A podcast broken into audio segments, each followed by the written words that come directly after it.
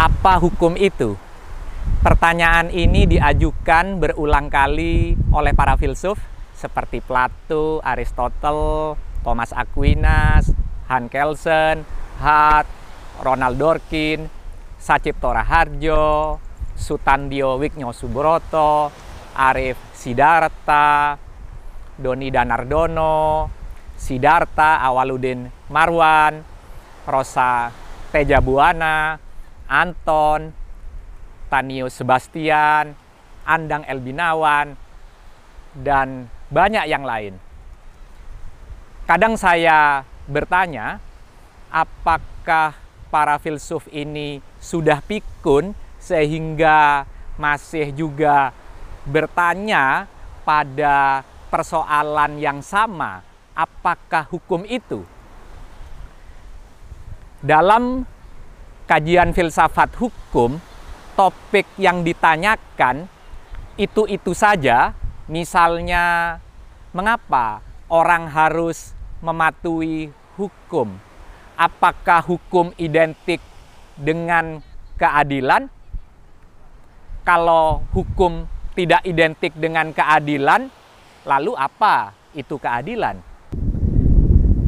Sejak dahulu, masalah-masalah yang direfleksikan oleh filsafat hukum sebenarnya tidak berubah. Misalnya perselisihan antara keadilan, kemanfaatan, dan kepastian. Tetapi pertanyaan yang diajukan dari jawaban yang diberikan atas pertanyaan itu mengalami perubahan sejalan dengan pengalaman dan perubahan cara pandang dan kesadaran manusia itu sendiri tentang keadilan dan hukum. Persoalan yang dibahas dalam filsafat hukum sepintas kelihatan itu-itu saja, tapi cara mempertanyakan dan jawaban yang diajukan bisa saja selalu berbeda-beda. Jawaban yang diberikan atas pertanyaan mengenai hakikat hukum dan keadilan selalu berbeda-beda dari zaman ke zaman. Belajar filsafat hukum tentu bukan mengunyah ulang topik yang sudah dibahas karena pengalaman dan kesadaran berkembang sehingga mengundang orang untuk berpikir, berefleksi agar dapat mengambil sikap yang tepat terhadap masalah dan tantangan baru di masyarakat. Jika hukum diandekan hanya kumpulan peraturan dan putusan hakim, apakah membuat hukum menjadi kering dan tidak berjiwa? Jika saja pasal 338 dan 340 KUHP dicabut atau dibatalkan, apakah orang akan menganggap merampas nyawa orang lain secara wenang-wenang adalah kejahatan? Atau kalau pasal 378 KUHP tentang penipuan juga dicabut atau dibatalkan, apakah menipu, membujuk orang agar menyerahkan barang kepadanya yang licik, apakah juga masih disebut kejahatan? Dari sini kita menjadi tahu pokok soalnya bukan rumusan hukum. Ternyata hukum tidak hanya terletak pada bentuk formalnya, melainkan juga pada bobot nilainya. Jika demikian, apakah nilai-nilai keadilan dalam korpus moral yang terkristal dalam asas-asas hukum juga merupakan hukum? Apakah hukum itu berupa korpus moral atau kebiasaan-kebiasaan hidup di masyarakat? Atau hukum itu hanya peraturan perundang-undangan yang dibuat oleh penguasa yang sah. Sebagian para ahli hukum berpendapat bahwa hukum itu adalah peraturan perundang-undangan yang dibuat oleh penguasa yang sah. Misalnya perintis mazhab positivisme hukum John Austin yang berpendapat hukum adalah perintah penguasa atau perintah dari yang berdaulat yang isinya kewajiban yang apabila tidak dipatuhi akan dikenakan sanksi. Apakah hukum itu hanya hukum negara?